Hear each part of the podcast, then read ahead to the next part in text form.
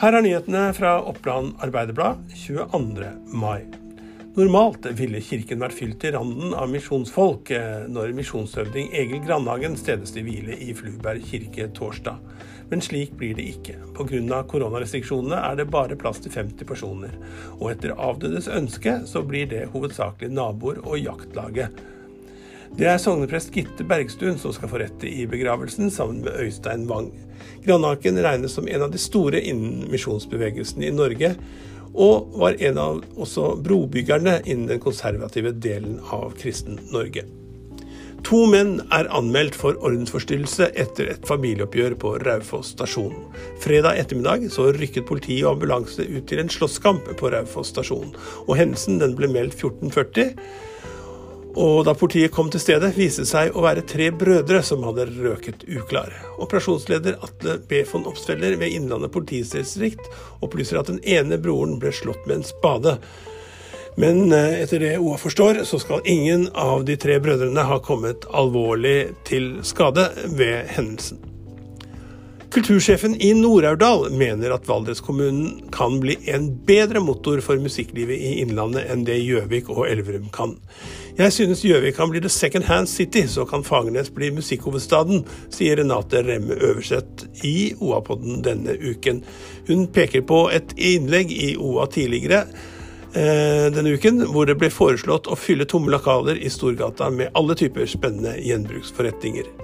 Kultursjefen i Nord-Ardel eh, tror Valdres har et godt fundament i folkemusikktradisjonen, den klassiske musikken og et bredt kompetansemiljø, og håper kommunen kan bli valgt ut som vertskommune for musikk i Innlandet, som nå skal bygges ut. Fylkestinget avgjør hvem av søkebyggene som kan få kalle seg musikkhovedstaden før sommerferien.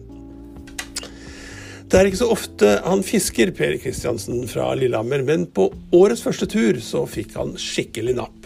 Det ble en hard dragkamp mot ei gjedde som i lengde nærmer seg de aller største som er tatt i Mjøsa i nyere tid. Jeg hadde ikke med meg vekt, dessverre, men lengden var 125 cm, forteller Kristiansen.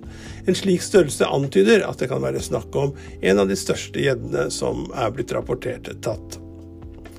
Gjenåpningen av reiselivet på Beitostølen får en myk start. 1.6 kan de første turistene komme tilbake, men hotellgjestene de må vente noen uker til. Slik situasjonen er nå, blir det en gradvis gjenåpning der vi tar alle smittevernhensyn vi kan. Følgelig åpner vi for å ta imot gjester på hytter og leiligheter fra, allerede fra begynnelsen av juni, sier Atle Håvi, direktør i Beitostølen Resort.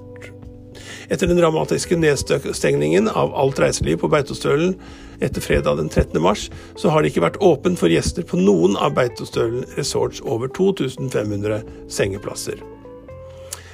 Hele strekningen mellom Oslo S og Gjøvik blir stengt fra natt til lørdag klokken 02 fram til samme tid natt til mandag.